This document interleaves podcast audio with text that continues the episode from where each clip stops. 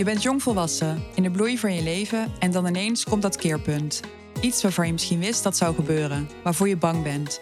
Anderen bepalen voor jou met wie je de rest van je leven gaat delen of zorgen dat je je leven in Nederland vaarwel kunt zeggen. Je wordt slachtoffer van huwelijksdwang of achterlating. Of mijn vader begreep eigenlijk me niet. Ik ben in 1975 naar Nederland gekomen. 1982 ben ik terug uh, naar Marokko. En, uh, ja, je werd, werd, teruggestuurd omdat je iets drukker was dan... Precies, ja. juist. Ik was heel erg druk. Uh, echt, dus mijn vader kon mij niet aan.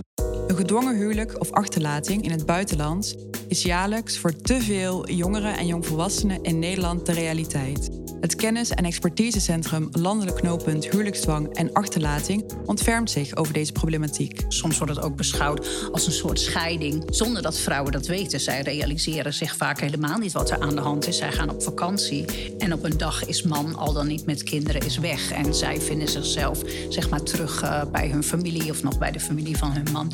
In Liefde kent geen dwang, de podcast van het landelijk knooppunt Huwelijksdwang en Achterlating, spreek ik, Suhela Jeltjen, samen met de manager van het landelijk knooppunt, Dini Vlierman, maandelijks met belangrijke gasten. Ervaringsdeskundigen, professionals en maatschappelijke sleutelfiguren.